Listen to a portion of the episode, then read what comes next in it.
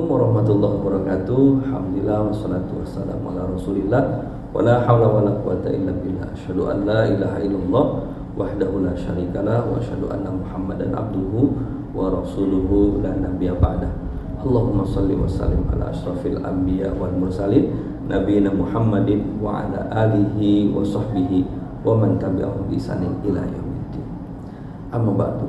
Ikhwatiman yang dirahmati Allah Subhanahu wa taala, berbicara tentang zakat, maka kita akan mengawali zakat ini dari sisi definisi. Definisi zakat secara istilah para ulama memberikan definisi zakat adalah mengeluarkan harta, mengeluarkan sebagian harta, sebagian saja, tidak seluruhnya, sebagian harta dengan nilai tertentu dua setengah persen, lima persen, sepuluh persen, atau 20 persen atau satu sok setara dengan dua setengah kilogram. Pada waktu tertentu, waktunya juga ditentukan. Ada yang waktunya berdasarkan haul satu tahun, ada juga yang ketika panen mendapatkan langsung tunaikan zakatnya. Atau waktunya pada saat bulan Ramadan seperti sekarang ini. Penerima manfaatnya juga ditentukan atau tertentu yaitu 8 kelompok atau 8 asnaf fakir, miskin, amil, mu'allaf, rikob, gharimin, fisabilillah, dan ibnu sabil. Ini secara definisi. Zakat terbagi menjadi dua. Yang pertama adalah zakat fitrah atau disebut juga dengan zakat nafs, zakat jiwa. Fitrah itu zakat jiwa. Sehingga zakat jiwa ini berkaitan dengan jiwa pribadi eh, apa individu seseorang. Zakat fitrah adalah zakat yang ditunaikan pada bulan Ramadan. Pada bulan Ramadan bukan pada yang lainnya. Sehingga fitrah ini hanya ada di bulan Ramadan dan tidak ada di bulan yang lainnya. Siapa yang mengeluarkannya? Semua umat Islam, semua kaum muslimin, laki-laki, perempuan, anak-anak atau dewasa, hamba sahaya atau orang merdeka. Semuanya ditunaikan. Kalau anak kecil berarti yang membayarkan orang tuanya, kalau hamba saya yang membayarkan adalah majikannya. Berapa yang harus ditunaikan dalam hadis disebutkan satu sok. Satu sok ini setara ukuran di Indonesia. Pemerintah melalui peraturan Menteri Agama nomor 52 tahun 2014 menetapkan satu sok setara dengan dua setengah kilogram beras. Dalam hadis disebutkan memang tidak dicantumkan beras, hadis menyebutkan kurma, gandum atau syair gandum yang telah siap untuk diolah gitu tidak ada beras.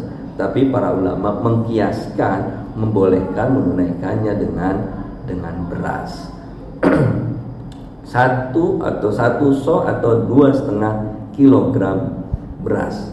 Jadi zakat fitrah ditunaikan hanya ada di bulan Ramadan oleh semua orang muslim atau setiap kaum muslimin laki-laki, perempuan, hamba saya, dewasa, anak kecil, orang merdeka nilainya adalah dua setengah untuk di Indonesia.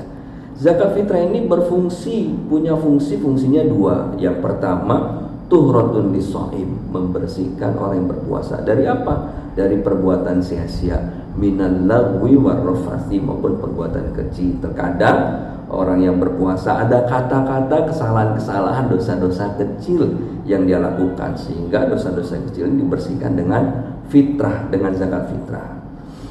Jadi zakat fitrah itu sesungguhnya fungsinya kembali kepada orang yang membayarkannya. Zakat itu kembali kepada orang yang membayarkannya. Ini fungsi pertama. Fungsi kedua, tuh matalil masakin, memberikan makan untuk orang-orang yang miskin, orang-orang yang tidak mampu. Karena tujuan dari zakat fitrah itu adalah agar semua umat Islam merasakan kebesaran hari raya Idul Fitri. Tidak ada yang minta-minta, semua merasakan kenikmatan hari raya Idul Fitri tersebut.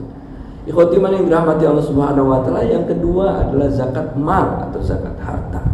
Zakat mal atau zakat harta ini para ulama mendefinisikan adalah zakat yang dikenakan kepada harta yang dimiliki oleh seseorang zakat yang dikenakan harta yang dimiliki oleh seseorang ataupun lembaga atau perusahaan. Lembaga atau perusahaan dengan syarat dan ketentuan yang telah ditetapkan. Ini harta secara umum.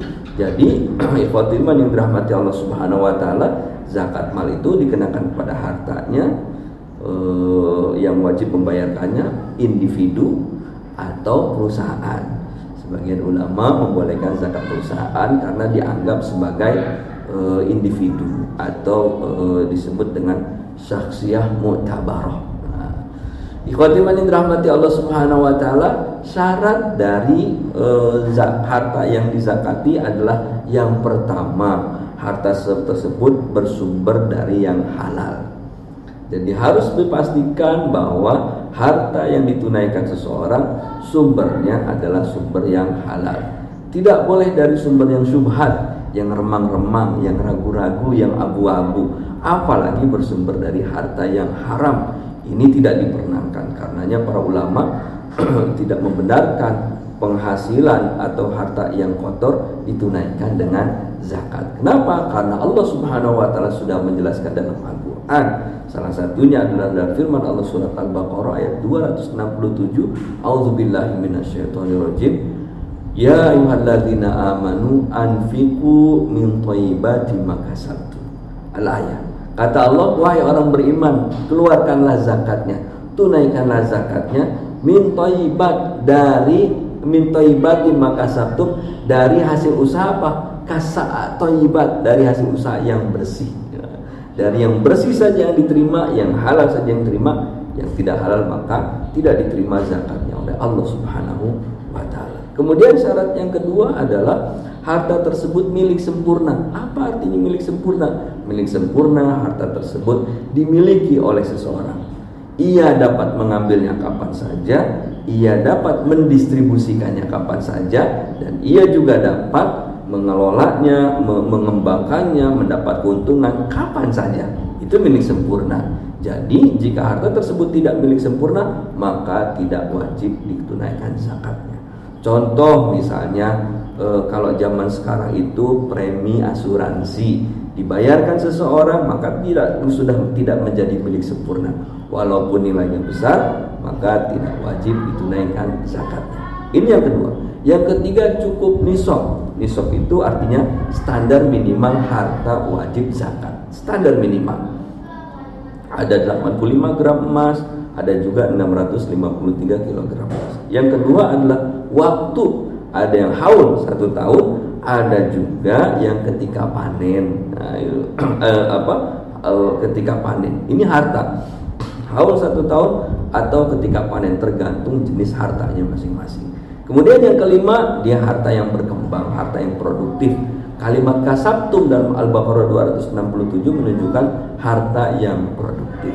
Ikhwati yang dirahmati Allah Subhanahu wa taala, dulu orang punya harta dari lima perhiasan emas dan perak, perdagangan, peternakan, perikanan ataupun barang tambang dan ikas. Saat sekarang ini orang punya harta dari sumber yang banyak.